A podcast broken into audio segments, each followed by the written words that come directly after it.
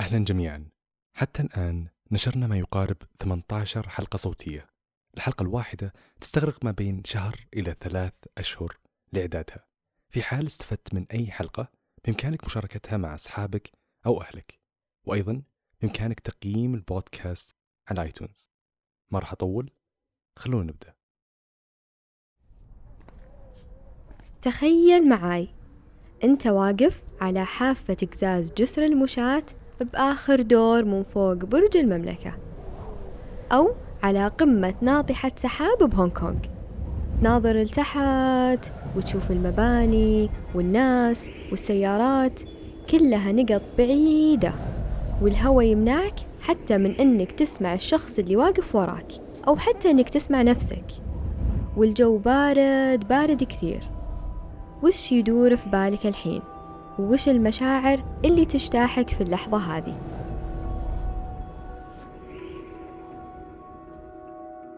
لو كان في بالك إنك شخص محظوظ لأنك قدرت تشوف هالمنظر الخيالي قدامك وقادر إنك تشم هوا نظيف يعني أمورك تمام. ولو كان في بالك إن بتطيح بأي لحظة وبتفقد حياتك وعيلتك بتفقدك والناس ما راح تلقى فيك جزء تتعرف عليه وبنفس الوقت رجليك تنتفض وكل شوي تغمض عيونك يعني أمورك تمام أنت بعد شلون؟ لأنك تشعر بالخوف طيب هل الخوف حالة طبيعية؟ ولا أنت شخص لازم تروح لأقرب طبيب مختص؟ الموضوع هذا فيه تفصيل لأن الخوف يجي منه نوعين النوع الأول هو النوع العقلاني اللي طبيعي يجي. يعني وانت فوق هالمبنى من الطبيعي إنك تخاف تطيح أو تتأذى وهذا اللي يخليك مركز مع كل خطوة تخطيها. أو لما تشوف قدامك حية تتحرك أو عقرب متوجه لك بنص الصحراء تبدأ من غير شعور تركض بالاتجاه المعاكس. النوع الثاني هو النوع الغير عقلاني اللي ممكن يسبب لك رهاب من الشي بكبره. يعني في مثالنا السابق الشخص اللي عنده هالنوع من الخوف ما راح تلقاه أصلا فوق المبنى. ومثل اللي تجيه حالة هلع وخوف لما يشوف صرصور صغير قدامه.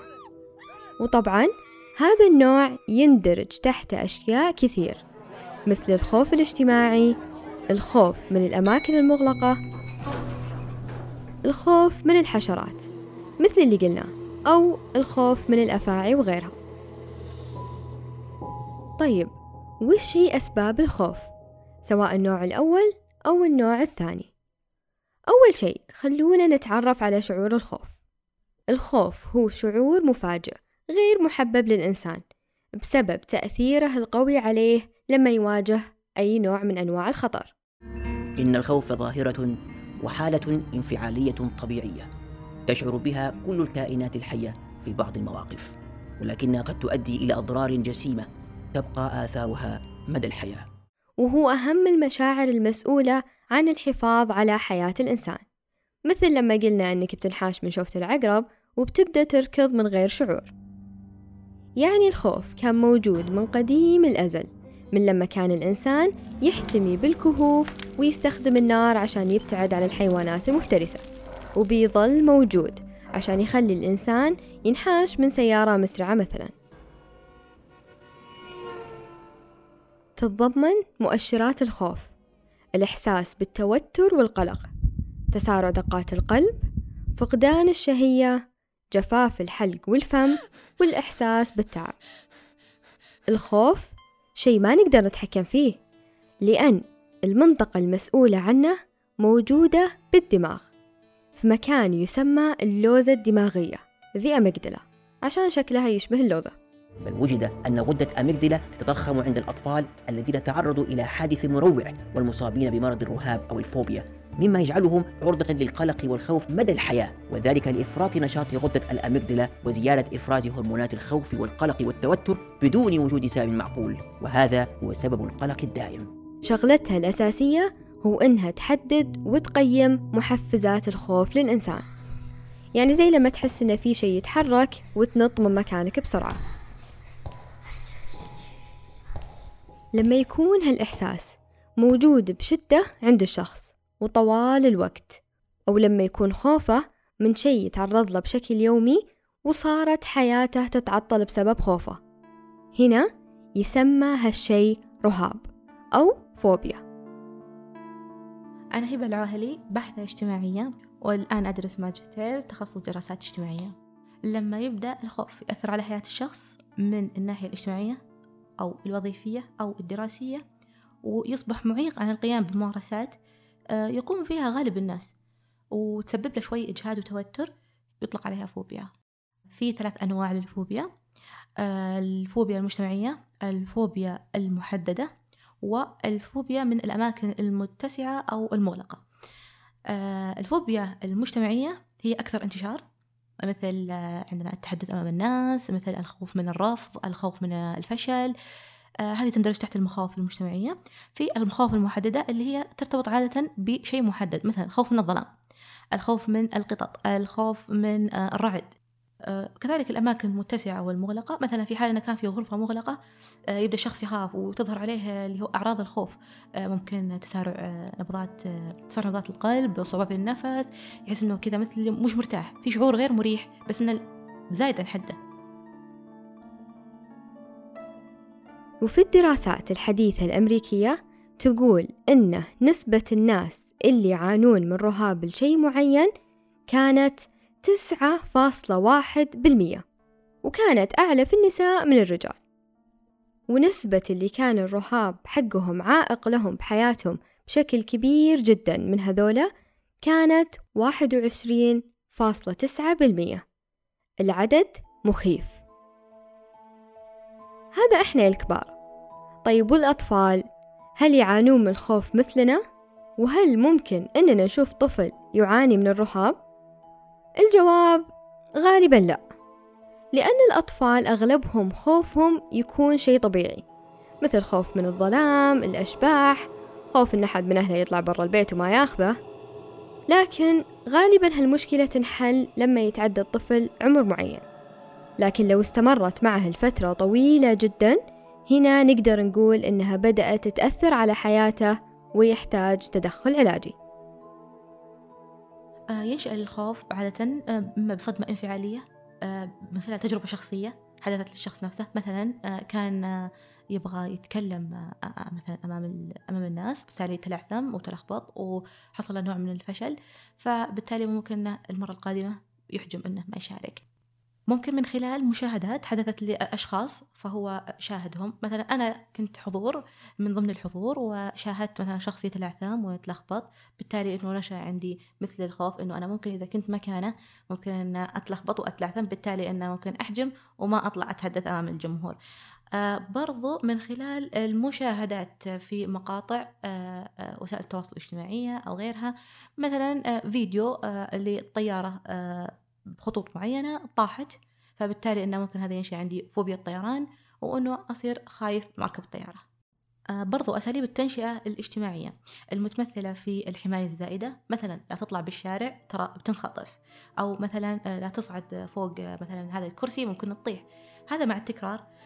مع التكرار ممكن ينشأ خوف مثلا خوف من المرتفعات أو مثلا خوف من خوف من الناس ويسبب انعزال. طيب كيف ممكن نعالج الشيء هذا؟ طبعا الخوف اليومي المعتاد هو اللي يساعد غريزة البقاء عندنا فما يحتاج له علاج أو تدخل. ممكن يكتفي الشخص بأنه يغير مكانه أو يتكلم مع أحد بوقتها أو أنه يبتعد عن مسبب الخوف. يعني بكل بساطة تنزل من فوق البناية في مثالنا السابق. لكن الرهاب والخوف المرضي هو اللي يحتاج علاج. وفيه أكثر من طريقة بعلم النفس تخلي الشخص يتجاوز هذا الخوف. ومنها أولا علاج المعتقد وراء الخوف نفسه وتصحيحه لهم مثل الناس اللي يخافون من المصعد عشان بظنهم إنه لو توقف بيخلص عليهم الأكسجين بسرعة ويختنقون. فهذول نوضح لهم إن الفكرة علميا غلط. وإن في مخارج الطوارئ من المصعد والأكسجين ما راح يخلص. برضو في اللي هو العلاج الفعال وهو العلاج المعرفي السلوكي وهو المفضل لهذا النوع من الاضطرابات النفسية من خلال مناقشة الأفكار آه، حول المخاوف آه، من خلال جلسات آه، علاجية تحدد حسب الحالة. ثانيا التعرض المكثف للخوف ومنها طريقتين. إما بجعلهم يتخيلون الخوف هذا حتى يتجاوزونه أو يحطونهم بنص المواقف اللي يخافون منها لين يبدأ تدريجيا يقل مثل التجربة الأزلية اللي مرت على أغلب الناس بأن أهلهم يرمونهم بنص المسبح عشان يتغلبون على خوفهم من الموية ويتعلمون السباحة.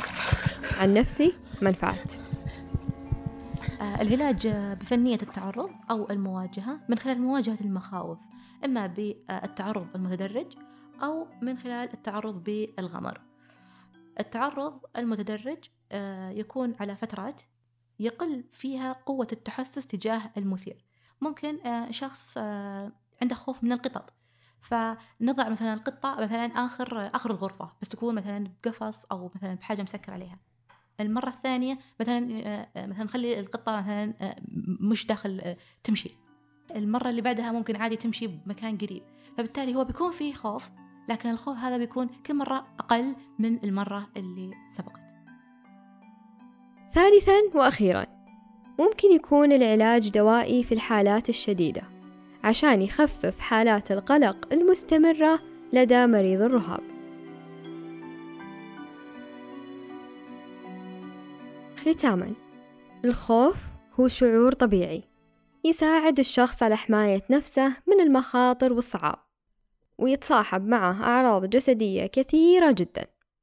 لكن على الإنسان إنه ما يخلي أفكاره وتخيلاته تجرفه لأمور غير واقعية مضخمة. تخلي الخوف عنده يزيد ويزيد ويزيد لدرجة تمنعه من ممارسة حياته اليومية بشكل طبيعي. الخوف صح شعور طبيعي ولكن يظل الإنسان له القدرة على التحكم فيه بدرجة معينة.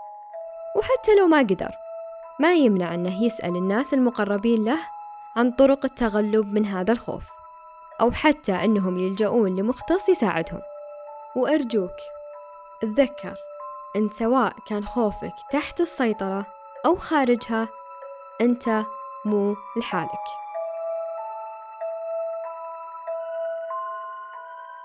في هذا الأسبوع نشرنا مقالات تصاميم مرئية أيضا مقاطع فيديو عن الخوف. كلها موجودة على حساب محتوايز في تويتر. أيضا بإمكانك دعم محتوايز ماليا من خلال الرابط في الأسفل لصفحة بتريون هذا راح يضمن أنه إحنا نستمر في نشر المحتوى باللغة العربية. جميع المصادر اللي استخدمتها موجودة بالأسفل في قسم الوصف. كانت معكم فتون سامي.